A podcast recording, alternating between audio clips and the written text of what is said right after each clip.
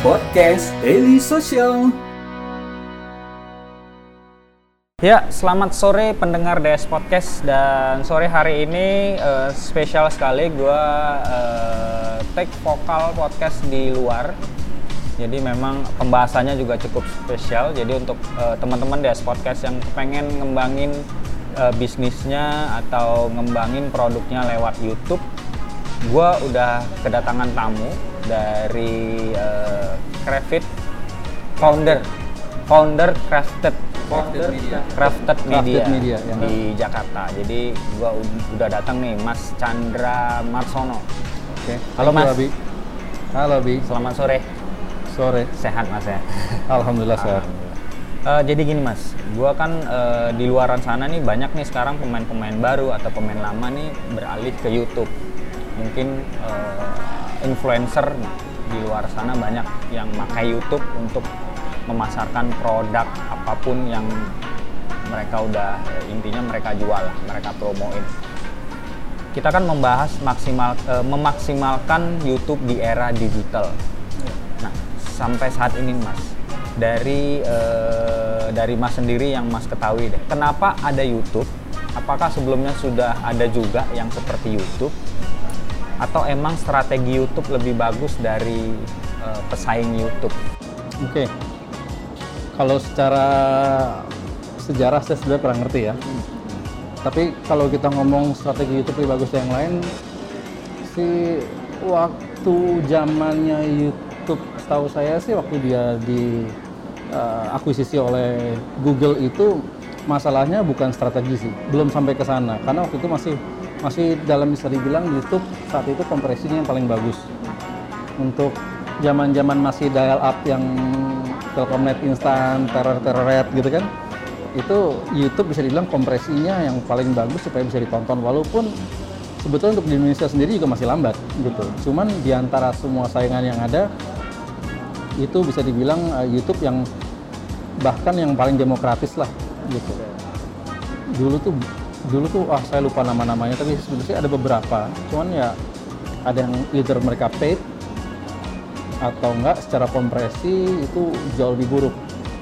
Gitu. Jadi dulu YouTube memang belum belum apa ya kalau sekarang kan bisa. Bahkan kalau saya paling tinggi 4K dan dengan ada kamera red itu bisa sampai 8K cuman setahu saya sih masih mentoknya di 4K gitu. sebagian besar karena kontennya biasa pada bikin pakai 4K semua maksimal tapi ya kalau kita ngomong lebih baik mana dulu ya itu sih masih masalah kompresi sih.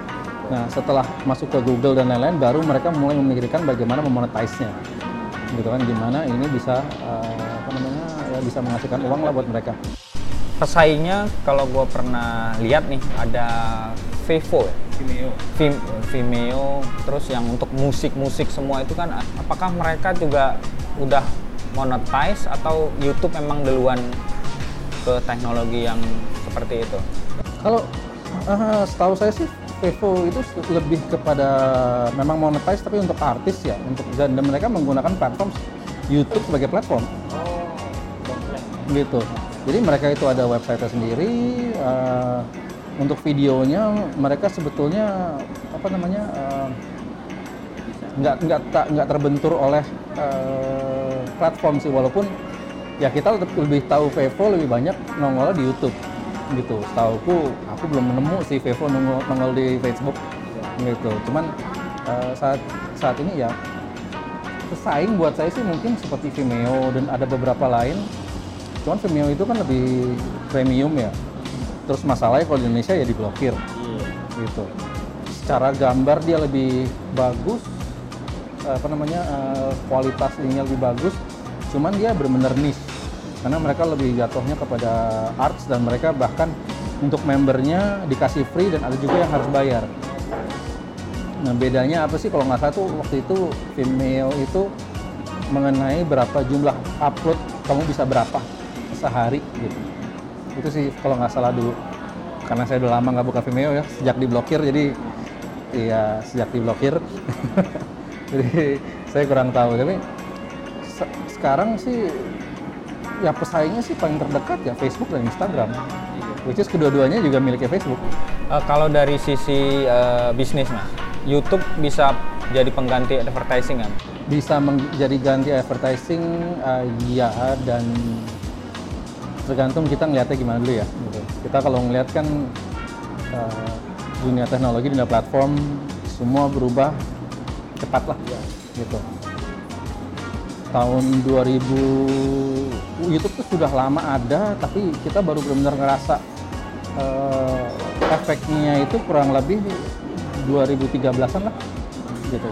Dan orang milenial terutama ya milenials kan ya kita udah tahu ya milenials itu kan bukan anak-anak muda doang ya tapi yang orang-orang yang sudah terkondisi kan dengan dengan uh, mobile dan internet lifestyle dan gadget dan lain-lain nah itu mereka mulai memang mencari entertainment itu di YouTube kurang lebih 2014 ke atas semakin banyak dan ya itu menjadi potensi yang besar sih waktu itu untuk, untuk YouTube Ads dan lain-lain namun ya berkembangnya dengan situ yang tentu platform lain juga ngelirik seperti Facebook yang sekarang juga menjalankan kurang lebih hal serupa. Jadi bisa dibilang video as an advertising iya. Di YouTube iya, di Facebook iya, di Instagram iya gitu kan. E, lebih sekarang kepada bagaimana kita memanfaatkan advertising tersebut gitu. Karena kalau kita udah ngomong millennials, kita udah ngomongin namanya faktor jenuh. E, millennials itu teknologi berubah karena uh, penggunanya ada faktor jenuhnya ini udah udah udah udah lama nih butuh suatu breakthrough yang baru gitu. Dan nanti kita lihat aja sih siapa yang paling bisa ngasih breakthrough terbaru gitu. Kalau saat ini uh, YouTube uh, bisa dibilang cukup uh, masih saat ini masih cukup dominan lah. Karena buat uh, di Facebook sendiri kalau kita mau pasang apps itu uh, apa ya effortnya Facebook untuk memberitahu halayak banyak cara pasang apps di Facebook dengan effortnya YouTube dan Google itu lebih besar YouTube dan Google sih gitu. Sebetulnya Facebook nggak susah-susah juga. Cuman kurang sosialisasi aja. Gitu. Hmm. jarang yang tahu atau ya, ya zaman saya terakhir masih di agency yaitu tahun 2015 saya harus keluar effort untuk ke Facebook untuk nanyain gimana caranya gue pasang video ads ya. Gitu cara video ads dan waktu itu kan belum ada. Ya. gitu walaupun dia sudah mulai coba-coba gitu kan tapi gue mau mau masang buat klien gue aja gue harus nyamperin mereka gitu. sekarang mungkin yang kita nggak tahu ya dengan yang sekarang mungkin mereka mulai menaikkan effortnya tapi kalau dari gue sendiri gue kurang ngerasain aja gitu nggak tahu ya kalau masih aktif di agensi mungkin masih dari cuma kalau saya kurang. Kalau dari segi bisnis bisnis nih mas, YouTube tuh sangat menguntungkan nggak? Uh, bisnis as in youtuber, yeah. hmm, tergantung dari sisi mana ya. Untuk orang Indonesia sebetulnya kurang menguntungkan. Why? Ada beberapa yang bisa menguntungkan. Ya sekarang kita, kalau kamu mulai YouTube dari let's say tiga tahun lalu, kamu bisa mendapatkan uang yang cukup signifikan kalau kamu terus growing. Ya. ya. Tapi sampai dengan kalau nggak salah uh, tahun kemarin itu YouTube itu mengadakan besar-besar perombakan besar-besar hingga dia itu uh, monetizing kontennya susah. Jadi uh, banyak, nah Indonesia sendiri tuh dibanding youtuber luar negeri itu sudah pendapatan per seribu viewers itu jauh lebih rendah. Terus sekarang dengan di, dipersusah lagi karena YouTube tentunya pengen uh, apa namanya konten yang berkualitas sehingga dipersusah dan bahkan dikurangin maka jauh semakin susah lagi sekarang. Jadi kalau tergantung kalau misalnya dilihatnya dari eh gue anak SMA gue iseng-iseng aja bikin video konten uh, terus gue bisa scaling up dan lain-lain ya itu bisa mendapatkan bisa. Eh, cukup lah untuk uang jajan macam-macam tapi semakin kamu dewasa gitu kan ya kita lihat aja youtuber-youtuber yang sudah komplis gitu kan kita ngomong ya, Edozel, kita ngomong Chandra Liao dan kawan-kawan mereka sudah membuat sebuah usaha sendiri. Jadi nggak nggak selalu ter, apa mengharapkan semua dari YouTube gitu. Karena YouTube itu menjadi sebuah platform. Jadi platform mereka sudah sekarang makin bertambah dengan ada Instagram, Facebook. Jadi eh, tergantung dari mereka aja. Kalau kita hanya mengandalkan dari YouTube aja saya rasa sekarang berat. Ya beda banget uh, dengan dulu lah. Oh gitu. Hmm. kenapa bisa berbeda mas? Pendapatan dari Facelift seperti kan itu sama. bilang, YouTube mengharapkan ko- eh, ko- konten konten yang kual- berkualitas. Dengan konten berkualitas, berkualitas dia menaruh banyak restriction kan. Misalnya kamu baru bisa monetize eh, apa namanya YouTube kamu. Kalau nggak salah sekarang itu setelah kamu dapat 10.000 views total. Dari semua video kamu total ya. Jadi nggak satu video. Kalau udah dapat 10.000 views terus harus berapa video dan macam-macam lah. Dan itu pendapatannya juga masih kurang dibanding dengan youtuber yang di Eropa dan di Amerika. Price setnya per 1000 view-nya Indonesia dan mungkin banyak di Asia Tenggara ini nggak sebesar mereka yang ada di sana gitu. atau memang mungkin dari segi mata uangnya enggak juga Enggak juga sih. Bahkan yang di luar sana kayak Casey Neistat itu dia berapa kali berapa kali bikin vi- video yang dia memprotes bagaimana pendapatan dia dari YouTube berkurang. Dia protes kenapa? Karena kan gue bikin konten berkualitas. Gue kasih ke lo, tapi kan pendapatan gue kenapa berkurang? Gitulah. Nah itu matriks macam-macam memang kalau mau lebih jelasnya harus tanya ke orang YouTube sih. Iya. Eh, sampai saat ini nih mas, dari segi data ya mas, YouTube tuh ada tandingannya nggak sih mas? Dari segi data ya, mungkin eh, berapa pengguna atau Sekarang oke. berapa? kita kita kalau ngomong pengguna ya saat ini YouTube itu setahuku search engine nomor 2 ya paling kasarnya gini lah Kema, eh, waktu kemarin ya nggak kemarin sih waktu itu saya beliin istri saya mesin cuci ya. Dia bilang ya udah gue mau pasang sendiri. Oke, gua gua keluarin dong dari boxnya tuh namanya buku manual book macam-macam udah keluarin gua udah gue sediain terus gue tinggal. Pas balik lagi nonton YouTube cara masang mesin cuci dia nggak mau ngeliat manual book. Memang jadi search engine-nya gitu. Ya, visual memang lebih lebih ini gitu kalau secara crowd ya karena dia masih apa namanya jadi kalau kita lihat data kemarin ya data 2018 awal dia tuh benar-benar head to head dengan Facebook jadi kalau jumlah pengguna macam-macam, aku rasa sih dia head to head banget lah sama Facebook. Dan ini akan dikejar oleh Instagram. Karena Instagram saat ini benar-benar yang paling rising, paling cepat itu Insta- Instagram. Saya nggak tahu Instagram mungkin akan surpass Facebook yang punya dia atau atau enggak. Tapi ya it's it's it's going there gitu. Jadi tapi saat ini yang benar-benar head to head itu YouTube dengan Facebook. Karena active ya, users keduanya itu uh, sama-sama aktifnya. Bedanya tinggal dari demografi di tiap-tiap negara pasti beda. Kayak di Indonesia ya Facebook users ya kalau saya secara pendapat profesional kalau saya ke brand brandnya itu brand anak muda gua kan gua nggak akan nyuruh dia pasang di FB gitu kenapa karena kecuali brandnya itu brand untuk rural banyak yang di kota itu anak muda nggak mau pakai Facebook. Kalau ditanya alasannya kenapa bokap gue di situ. Oh iya. Oh, mak gue di situ gitu. tapi mereka pasti balik ke Facebook. Pasti balik. Pasti balik. Mereka tuh kan at least 25an ke atas tuh pasti balik ke Facebook. Kenapa? Karena ya an- Twitter antara mau mati atau enggak it's too fast. Iya Snapchat terlalu cepat. Jadi itu jatuhnya ke faktor umur sih. Betul. Mereka butuh sesuatu yang karena mungkin mereka sibuk mereka pulang mereka ngecek timelinenya bergeraknya nggak terlalu cepat. Saat ini ya solusi cuma ada Facebook. Apa Google Plus mati. Apa eh, Microsoft punya sosial mati gitu kan. Saat ini yang yang bisa begitu saat ini cuma itu kecuali apa tuh yang dari Cina tuh masuk sini nah, itu beda lagi gitu kan.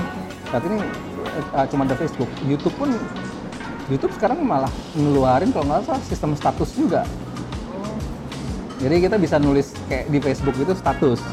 Cuman masih sosialisasi apa sosialisasinya kurang sih. Eh, saya sudah menggunakan cuman ternyata saya lihat eh, user nggak terlalu nggak terlalu peduli jadi ya nggak usah bikin-bikin lagi iya ya.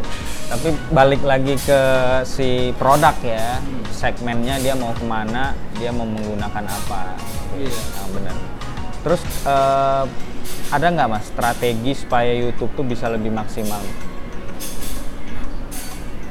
bisa dijelasin nggak maksudnya lebih maksimal juga Lebih maksimal dalam arti misalnya nih kita ngeluarin eh, konten nih, satu konten, let's say konten A deh. Nah di konten A itu eh, bisa jadi kita ngeluarin konten yang berbau-bau produk. Misalnya, eh, let's say kita bikin iklan lah, iklan yang soft Jadi kan, Soft, ah, ah, nah, mung- mungkin oke saya mulai ngerti. Jadi gini, memaksimalkan itu basically ya setiap video yang kamu buat itu kamu harus selalu ngecek analytics. Analyticsnya itu analytics bukan dari YouTube Analytics tapi trennya. Orang lagi search apa sih? Nah itu kan udah tahu nih, Google apa YouTube itu search engine nomor dua. Jadi kalau orang nge-search di Google otomatis pasti mereka nge-search di YouTube juga sama, nge-search di Facebook juga sama. Jadi bikin konten itu harus mikirin sekarang ini orang lagi nyari apa. Iya, jadi bikin kontennya yang relevan dengan yang mereka cari. Gitu kan. Misalnya sekarang eh, apa ya? Tipe, eh, es kepal Milo ya lagi ngetrop ya udah bikin produk Anda ada hubungan dengan es kepal Milo gitu. Ya paling paling contoh yang paling kamu bisa lihat gitu lah orang-orang yang bikin video-video clickbait atau konten-konten clickbait itu kan menggunakan hal tersebut. Kontennya dan videonya nggak ada hubungannya sama apa nggak sama judul yang mereka taruh. Makanya namanya clickbait. Tapi mereka benar-benar menggunakan ya istilahnya ya paling gampangnya ini sudah sih ilmu SEO cuman mereka terapkan untuk video gitu aja sih jadi memang mainnya di keyword Hmm. berbeda dengan produk, keywordsnya berbeda. Kalau itu words berhasil, no problem ya, nggak Iya. jadi masalah. Yang penting dia bisa. cuma masalah kalau kamu bikin clickbait kan nanti orang tuju, tuju- apa ujung-ujungnya sebel sama kamu kan gitu Iya betul, tergantung lagi balik lagi ke. Terus kalau eh, saat ini nih mas, sudah menjadi solusi nggak sih untuk pemain baru, untuk media promosi YouTube ini udah menjadi solusi belum menurut mas? Bagi pemain baru ya, untuk ngeluarin banyak promosi, mau produk dia, mau jualan diri dia atau gue mau jawab cuman takut digebukin orang internet marketing podcast bebas mas. jadi gini em, m- orang Indonesia terutama marketing produk-produk market orang-orang marketing lah itu produk-produk itu suka apa ya? Eh lagi seru di sini nih ini, ini, tadi bikin itu di sana. Tadi bikin di sini tadi bikin ini. Jadi mereka ngikutin hype-nya. Yang sekarang mereka lupa tuh strateginya. Kalau ngomong YouTube ini jadi solusinya. Yes and no gitu. Jadi gini lo kalau bikin video yang bisa dibilang produk video itu tujuan cuma satu. Itu untuk website kamu. Yang kamu taruh video di YouTube atau di website kamu. Atau nggak kamu untuk produk demo macam-macam basically itu menjadi tempat orang yang kalau pas mereka benar-benar pengen tahu produk kamu gitu. orang yang akan nonton karena mereka pengen nonton itu sedikit banget. Kenapa itu produk demo. Apalagi kalau kamu benar-benar plek ketiplek gitu ngambil iklan TV kamu taruh di YouTube gitu kecuali anak-anak kuliah periklanan atau yang pengen pengen tahu aja kamu bisa lihat di sini viewersnya kecil. Gitu. Kecuali ya iklan kamu mungkin agak-agak kontroversial seronok atau gimana orang nggak akan search. Gitu. Jadi yang ter- yang terbaik adalah bagaimana eh, produk itu bisa secara seamless masuk ke dalam sebuah konten dan berikan secara efektif tanpa orang tuh merasa nih rese nih iklan mulu. Gitu. Soalnya kalau memang tujuannya kamu mau hard sell pokoknya ngeliat beauty shot dia produknya macam-macam ya itu produk video. Ya lo pasang di ini aja di channel lo oke macam-macam. Cuman pasti viewer sedikit. Kalau mengharapkan viewersnya banyak dan apa namanya dan efektif ya itu. Brand kamu harus seamless keluar di situ. Harus benar-benar storytelling Paling nggak pesannya yang mau disampaikan tuh nyampe. betul Nah, dari mau gambar, eh, visual dan narasi ya. Eh, tips dan trik mas agar YouTube bisa lebih sangat berguna. Ini dari sisi mas bisnis mas sendiri sebagai eh, CEO dari Crevit. Em, mana yang jawabnya? Ya, ya saat ini gini lah. em, di Craft sendiri kita sebetulnya nggak tidak memfokuskan diri memang untuk YouTube karena kita memang membuat konten. ya. Platform YouTube itu jasa platform, gitu. Platformnya sudah bisa banyak. Cuman emang saat ini YouTube memiliki unggulan sesuatu yang dibanding yang lain tuh nggak mereka nggak punya which is analytics Uh, yang saya kenapa saya jualnya YouTube itu ya karena secara tanggung jawab saya kepada klien itu bisa bisa penuh. Saya benar-benar bisa ngasih lihat data ini ini ini ini, gitu kan. Berapa persen mereka nonton macam-macam. Itu yang di Facebook belum ada dan di platform lain belum ada gitu. Di Facebook ada yang tiga detik 10 detik atau berapa detik itu udah dianggap satu view. Tapi kita nggak benar-benar belum bisa. Setahu saya saya terakhir itu belum bisa kita lihat sampai detail orang nonton berapa persen dari 100% video tersebut. Gitu. Nggak tahu deh kalau besok tiba-tiba mereka ngeluarin. Gitu.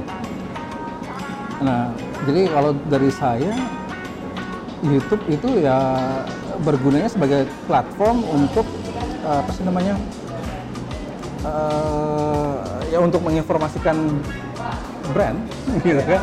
Meng- menginformasikan apa namanya Eh, kayak harus di revise nih pertanyaannya susah dijawabnya. Susah dijawabnya. Pertanyaan saya sendiri sih bingung juga. Eh, tipsnya tips buat saya sendiri kan aneh.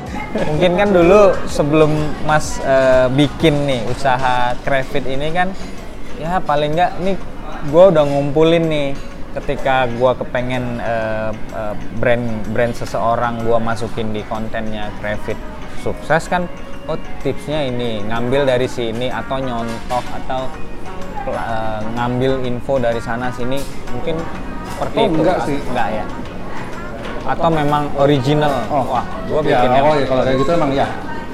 Pertama kita harus original. Ya. Original itu bukan berarti nothing is new under the sun. Tapi lu jangan nyolong gitu. ya, ide itu bagus. Lo gimana nge-twistnya supaya itu jadi unik punya lo. Gitu. Jadi emang creating original content bagaimana dan bagaimana konten itu eh, bisa menghadirkan banyak traffic. Ya, jadi dari situ ya paling tipsnya ya itu seperti yang saya sudah bilang di awal. Look at the analytics. Orang search apa? Gitu. Jadi emang SEO untuk videonya harus main. Di Facebook sekarang juga bisa kok itu tagging. Itu juga harus dipakai. balik lagi by data ya semua Iya, betul. Karena orang nonton video tergantung dari trennya hari ini sekarang lagi search apa. Gitu. Jadi tipsnya pertama ya itu search the data, buat sesuatu yang original, yang nggak niru orang lain. Ya. Idenya boleh sama, tapi eksekusi harus beda. Gitu. Dan eksekusinya benar-benar eksekusi bukan cuman ya ngambil gambarnya beda, tapi benar-benar idenya harus ada twistnya. Supaya orang lebih kenal dengan berikut Iya orang bilang, oh ini uniknya di sini gitu. Kan kayak semua youtuber bikin challenge. Gua nggak mau bikin challenge. Gitu kan? Ya, orang everybody's doing it gitu kan. Orang misalnya misalnya kemarin apa sih eh, brand mie apa yang pedes gitu. Semua orang bikin challenge begitu. Ya orang semua search itu. Kalau gue bikin video yang sama, pas mereka search, gue mungkin di urutan paling bontot. Nah, jadi harus bikin sesuatu yang berbeda. Dengerin terus podcast Daily Social.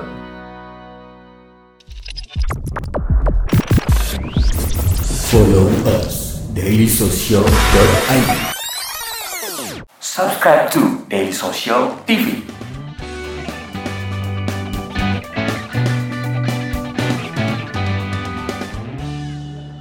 kenapa nih mas dari sisi bisnis sendiri ya mas dari bisnis mas sendiri kenapa makai YouTube ataukah dulu ha- hanya coba-coba bikin pakai alat sederhana execute publish atau emang udah dipersiapkan dari awal gue bikin bisnis ini gue beli alat ini gue bikin studio gue cari talent segala macam dari sisi bisnis mas sendiri?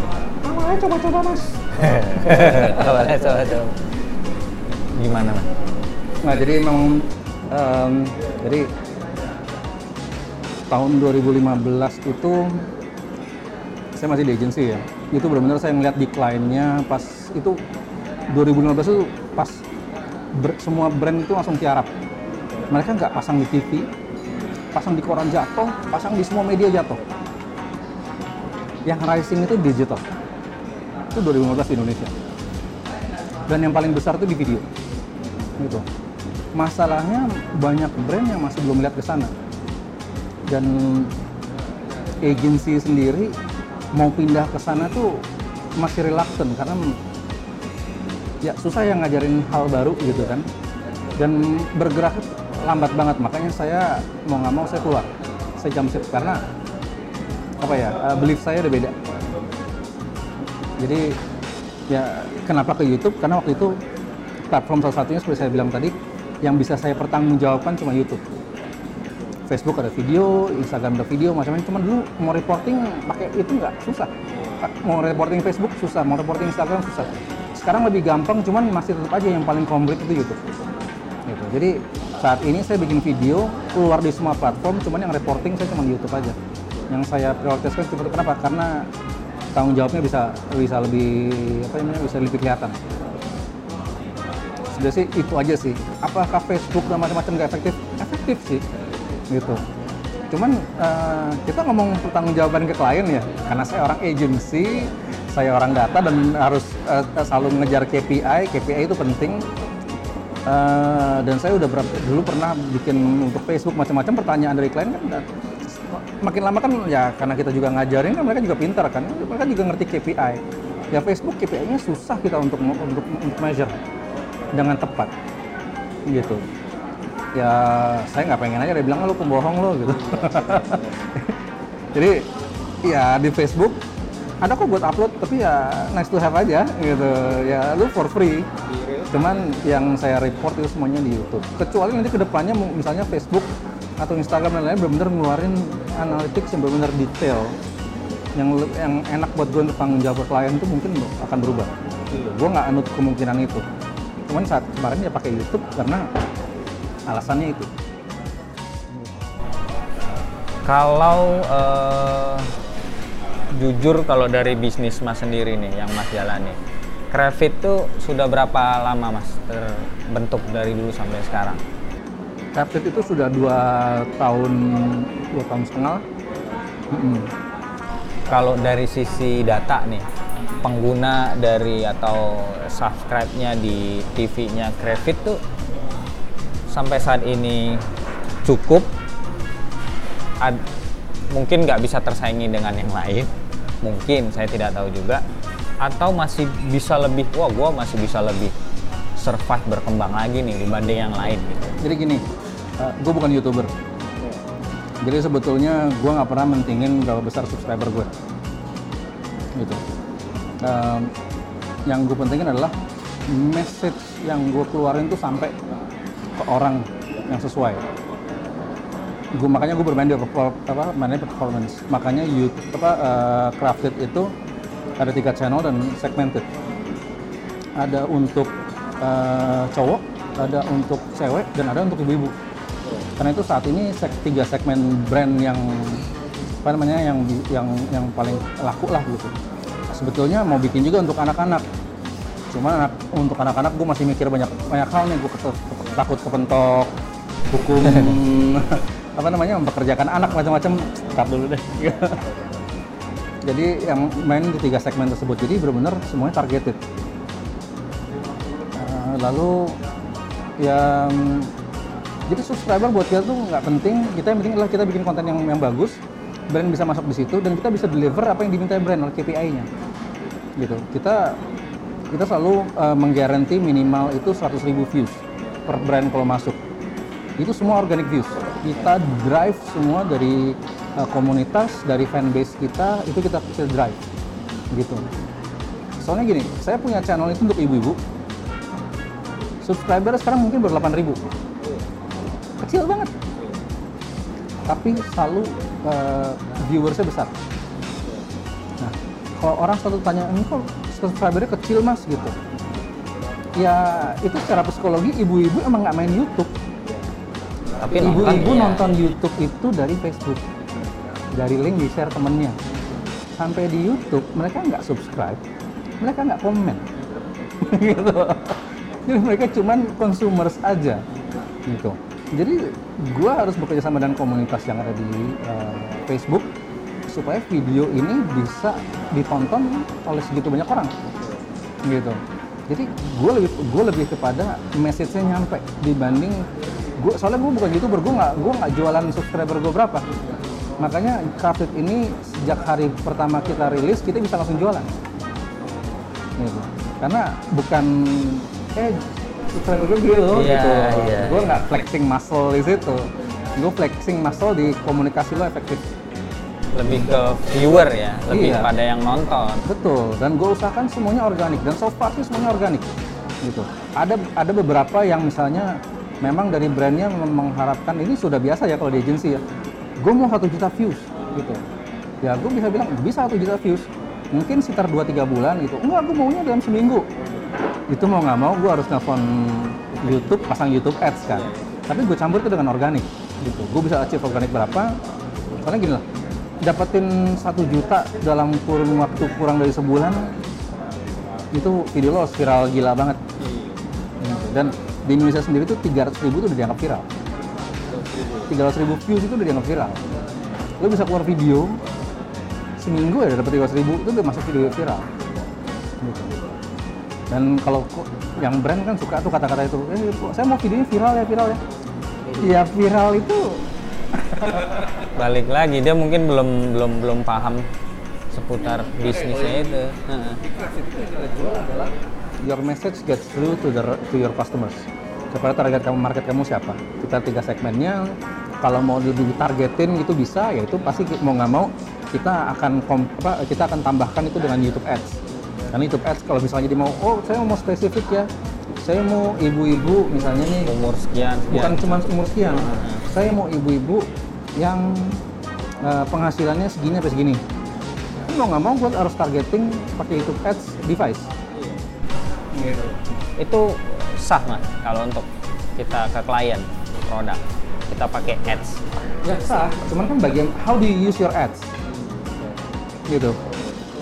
Ada mereka yang benar-benar cuma use ads-nya supaya ini dapat views yang banyak, tapi nanti kan bisa kita lihat tuh dari dalamnya di nah enaknya di YouTube analytics bisa kelihatan nih. Tuh orang nonton berapa persen? Gitu. Kalau benar-benar cuman uh, orang pokoknya dapat viewersnya banyak bisa kelihatan oh persentasenya kecil tuh. Cuman nggak ada berapa persen nih gitu. Makanya kita selalu uh, pakai ads di mana itu menjadi interest orang untuk nonton. Jadi orang tuh harus klik untuk nonton bukan disuguhin. Itu sih bukan dipaksa ya. Lu harus nonton tapi dia memang kemauan dia. Gitu. Terus eh, balik lagi nih mas ke tips sama triksnya nih mas. Seputar dengan konten negatif. Kalau dari mas sendiri mengatasi itu gimana Mas? Uh, jadi gini, alhamdulillah sih saya bukan tukang bikin konten negatif ya. Tapi apalagi dengan ada pemilu macam-macam memang pertama kita jadi internet users itu everything is is in the palm of your hands. Konten tuh jangan ditelan bulat-bulat lah. Selalu cari alternatif lainnya. Selalu lihat komparasi dengan konten lainnya. Gitu komparasi antara berita yang aktual, berita dari media yang terpercaya, lalu dari orang-orang lain itu juga harus harus diambil, harus diolah sih. Dari situ, dari situ sih kita bisa menentukan ini beritanya bermanfaat apa enggak buat gue, konten ini bermanfaat bu- atau buat gue atau enggak. Gitu. Em, nah sekarang dengan risingnya konten negatif itu bisa dibilang orangnya pada cukup pinter ya sekarang. Kenapa? Let's say dia mau mau ngomongin sesuatu yang negatif, mau discredit something gitu. Mereka akan mulai videonya bahkan bahkan kalau kita ngomong artikel itu jangan sesuatu yang mengangkat positifnya yang mau didiskreditkan dulu. Angkat dulu positifnya, tengah-tengahnya mereka secara slowly uh, merubah perspektif kamu. Gitu. Itu konten negatifnya sekarang sekarang tuh sudah sudah evolve-nya sudah sampai ke situ. Jadi memang lama-lama susah mendistinktifkan em, mana negatif mana positif gitu itu memang itu balik ke semua orangnya sih gitu. Dia kalau cuma nonton sekali nonton dari sumbernya yang sumber satu terus nggak nggak mencari informasi dari yang lain ya. Penilaiannya ya itu itu Nah. berarti lo harus klik klik gitu. Kan iya. klik, iya biar biar dapat benernya ini negatif atau positif? Hmm, makanya ya banyak kan sekarang. Dan semua persepsi orang ya tadi orang gampang banget sih kena clickbait dan clickbait itu kan nggak bisa kena semua orang. Tergantung dari interestnya apa saat ini. Oh yang bikin clickbait ya ya dia benar-benar dia benar-benar main SEO dia benar-benar lagi oh, dia benar search orang lagi search apa sekarang ya udah mereka bikin judulnya sesuai dengan apa yang lagi dia orang cari. Ya dari dari situlah. Eh orang pas klik wah ini gue lagi nyari ini nih lagi hotnya ini. Pas klik eh videonya lain. Ya kan judulnya Transformers diklik My Little Pony. Hmm, beda banget. Tapi itu sah. Ya? Hah? boleh boleh aja. Ya gimana ya? Di Indonesia nggak ada peraturan di situ? Yang mesti gray area ya. Sekarang koran aja melakukan ini koran ini loh koran koran apa ya? Koran online punya nama punya history gitu. Banyak melakukan clickbait. Gitu kan? Dan karena saking itu itu semua jadi jadi bumerang juga sih gitu. Karena sering melakukan clickbait banyak eh, apa namanya koran yang terpercaya yang akhirnya mendapat bad reputation dari situ gitu akhirnya nggak dipercaya orang. Dan yang sekarang lagi ngetop itu kan dari lewat Donald Trump itu kan yaitu fake media fake media. Itu sekarang yang naik gara-gara ya salah satunya salah mereka sendiri sih main main, main pakai seperti itu. Pada akhirnya kan merasain sendiri ya yang mereka buat. Mas gua nih mas. Terakhir pertanyaan untuk eh, episode yang ke-13 Eh, YouTube eh, ini kan youtuber nih. Dia sudah dibilang seleb atau dia dibilang artis dilihat dari mana mas? Atau dilihat dari subscribernya atau dilihat dari viewernya atau dilihat dari likesnya? Menurut mas gimana mas? kalau dari sisi mas yang mas pahami deh artis itu ada dua ya. Ada artis mainstream dan ada artis ya youtuber dan artis artis indie. Iya. Hmm. Ah, bukan kalau aku ngeliatnya sih bukan dari berapa banyak subscribernya ya walaupun kalau untuk youtuber itu penting banget kayak buat mereka. Tapi buat brand kayak penting banget kalau kita pakai dia. Tapi sebagai seberapa besar dia bisa influence. Iya Iya. Jadi kita bisa lihat tuh ada anak muda sekarang bahkan masih SMP atau SMA bisa jadi youtuber mengenai fashion macam-macam dan mereka punya vlogger tapi mereka benar-benar selebritis yang nggak mainstream. Gitu loh. Kenapa? Karena yang mereka pakai macam-macam itu ya diikutin. Gitu. Mereka punya influence. Ada juga kan yang yang ngakunya artis walaupun bukan mainstream juga ya ngakunya artis ini keren gini macam lihat videonya viewernya banyak subscribernya banyak. Tapi kita bisa lihat rasio dari like sama dislike-nya tinggian dislike-nya terus komentarnya ah jadi bisa tahu ya itu orang-orang yang mencari sensasi ya which is kalau kata pepatah kan no news is eh, no news is bad news. Nggak ada tali gantungan itu play on words sih gitu dan yang kata lain ya hal yang buruk pun bisa jadi kendaraanmu untuk terkenal. Gitu. jadi emang ini macem-macem sih gitu. Kayak di luar negeri dulu ada, eh, ada apa ada Logan Paul. Logan Paul tuh bikin video yang yang kontroversial kontroversial lah gitu. Orang like him ada juga yang dislike. Tapi terus dia bikin video ke Jepang yang bikin pamornya jatuh gitu. Dia selebritis atau enggak sih? Dia selebritis in a sense iya kepada fansnya. Gitu. Untuk secara mainstream enggak. Gitu. Eh, dan itu juga both ways ya. Kadang juga yang mainstream pun nggak bisa tembus nih jadi youtuber. Gitu. Harus benar-benar komit yang berhasil-berhasil itu kan kayak Anji itu berhasil. Eh, Deddy Kobusier berhasil gitu. Ya masih banyak yang yang memang harus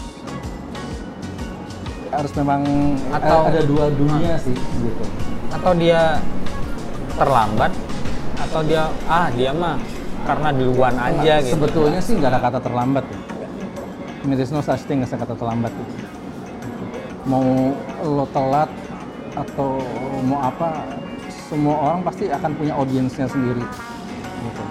tinggal nanti audiensnya ini lo bisa influence apa enggak lagi influencer itu bagian dari kayak maintain si penonton Iya, kita ya Apa lo cuman penggembira aja? Ah, ah, Banyak kan di youtuber jadi penggembira aja.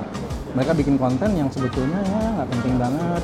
Orang suka aja karena oh dengerin dia curhat atau bagaimana. Cuman it doesn't influence them. Saat, saat mereka bisa menginfluence itu bisa bisa mengajak ini ini, itu mereka baru bisa menjadi bisa dibilang eh, sebuah selebritis walaupun selebritisnya mungkin bukan yang foya-foya gitu kan. Karena ada macam-macam ada yang tech reviewer ada yang apa. Aku udah bisa bilang eh, sobat HP gue udah bisa bilang Molly itu itu selebritis gitu kan. Cuman dia kan a dad with two kids tinggal di rumah. Yang syutingnya juga di rumah macam-macam. Yang mukanya juga jarang kelihatan gitu kan. Tapi dia bisa nginfluence orang. And it makes him important gitu kan. Pas dia keluar kita bikin meet and greet Moldy gitu. Orang tahu siapa dia gitu. Walaupun misalnya sehari-hari ketemu di mall juga nggak kenal. Iya iya juga ya. Jadi definisinya sekarang agak berselebritis itu berubah ya. Kalau kita ngomong selebritis mainstream ya yang lo lihat di TV macam itu mainstream. Youtuber tergantung daripada berapa besar influence menurut gue ya. Gitu. Enggak ada juga yang cuman lihat oh ganteng atau cantik? Ya beda-beda sih. Tapi kalau oh cantik terus apa pun yang dia lakukan saya pakai ini seperti dia ngikutin. Nah itu itu buat gue itu itu itu itu selebriti. Jadi seleb itu kan we are we are celebrating their their life gitu kan. Makanya dia selebriti. Jadi itu semua nanti itu semua tergantung kepada karena ada yang ya yang negatif tapi bisa nginfluence orang ya juga jadi selebriti tapi emang niche kepada kelompoknya. Sama kan ya kayak tadi ya contohnya kayak saya Moldy ya Moldy itu selebriti to his fans. Gitu. Tapi ya mungkin orang-orang TV atau orang mainstream nggak tahu dia siapa. Gitu. Dan mereka oh gimana banget kan soalnya selebritis kalau kita udah ngomong indie YouTube dan macam-macam udah nggak penting deh namanya cakep jelek macam-macam about how you share ide lo passion lo gitu. Karena at the end itu kan apa namanya orang itu eh, connect-nya karena merasa ada hubungan. Kayaknya wah ini orang nih youtuber ini nih nih, oh ini gue banget nih gitu. Ini kayak ada kedekatan eh, gaya style Eh, terakhir mas. Apa yang bisa mas kasih untuk pendengar DS Podcast? Mungkin orang yang baru mau ke masuk ke konten YouTube atau orang yang pengen berjuang untuk ngebesarin mungkin produknya dia atau bisnisnya dia di YouTube. Apa yang mas bisa kasih? Kalau lo individual wanna apa namanya? Eh, lo pengen jadi terkenal benar-benar terkenal di YouTube be yourself benar-benar be yourself which is lo ngomongin sesuatu yang benar-benar membuat lo passionate ya. Lo boleh lo misalnya lo, lo ngidolain siapa? Casey Neistat. Oke boleh lah. Tapi ba- bagian mana dari dia itu yang menurut lo tuh lo dan you push that out? Keluarin personality lo sehingga apa ya eh, sehingga tuh orang tuh bisa ngeliatnya ini ini original you gitu. Kalau untuk brand itu em, apa ya jangan selalu memikir bahwa jadi sosial media udah, berubah. 2011 eh, 2010 lah sampai dengan 2014 2015 itu lo punya sosial media sendiri dan orang tuh pada datang ke sosial media lo kalau untuk ngobrol macam-macam iya. Sekarang berubah. Sekarang mereka tuh sistemnya yang ya iya lo ngomong bagus-bagus tentang produk itu. Produk lo gitu di page lo gitu. Mereka lebih sekarang tuh benar-benar influencer marketing. Mereka benar-benar mencari pendapat orang lain gitu. Namanya zero moment of truth dan macam-macam itu semua bermain sekarang di sini. Dan kalau lo membuat konten make sure nggak hanya bikin konten buat lo sendiri tapi make sure lo bikin konten bekerja sama dengan siapa-siapa yang muncul di channel orang bukan di channel lo gitu. Karena yang di channel lu yang baik-baik Iya. gitu kan? Ya kalau lo ngomong di situ bagus ya iyalah gitu product information masuknya di channel lo gitu. tapi eh, lo kalau buat sesuatu yang apa ya yang pengen sesuai target market itu siapa ya lo, lo cari tuh channel atau nggak influencer siapa yang menurut lo sesuai. Dan lo jangan memaksakan untuk ya lo bikin gue konten yang tapi ntar gue pasang di channel gue gitu. Itu ujung-ujungnya nggak ada yang nonton juga. Ya ada yang nonton mungkin sama itunya sama influencer ditaruh di Instagram eh nonton ini gue ya video baru gue dikasih alamat YouTube-nya mana gitu. Tapi setelah itu over ya ya apa namanya organic views-nya akan jauh turun. Dibanding lo taruh di tempat dia yang di mana dan lo secara humble bukan hard sell itu mereka akan lebih respect banget gitu. buat teman-teman Dad's Podcast eh, untuk hari ini episode ke-13 kayaknya kita akhiri dan buat teman-teman Dad's Podcast yang pengen tahu nih atau kepo-kepoin Daily Social juga bisa lihat di web kita di dailysocial.id atau di Facebook di dailysocial.id atau di Twitter di @dailysocial atau di Instagram juga ada di @dailysocial_id di YouTube kalau mau tahu DS Tour, DS Discussion ada eh, Open Box, terus ada Tech 5 juga ada di Daily Social TV di YouTube dan yang terakhir mungkin teman-teman yang kepengen dengerin audionya doang ada di soundcloud.com di Daily Social garis podcast. Jadi terima kasih buat Mas Oh, iya. Chandra udah bagi-bagi info. Iya, iya. Ada ya, lagi mungkin. ya jangan lupa sih itu uh, subscribe Hey Bro Iya. TV ya benar. di YouTube. Ebro TV. Kalau kamu cewek ya subscribe High Ladies TV. Yep. Atau kalau kamu moms ya Dear Mama TV. Siap. Nanti aku promoin juga di SoundCloud. Nanti aku kasih linknya untuk ketiga program dari Mas eh, Chandra dari Crafit. Terima kasih ya Mas ya. Thank kita you, ngobrol-ngobrol. Kapan-kapan kita ngobrol lagi mungkin dengan Oke, boleh. dengan Siap. eh, pembahasan yang berbeda. Terima kasih Mas. bye bye. Jangan lupa subscribe di soundcloud.com podcast daily social.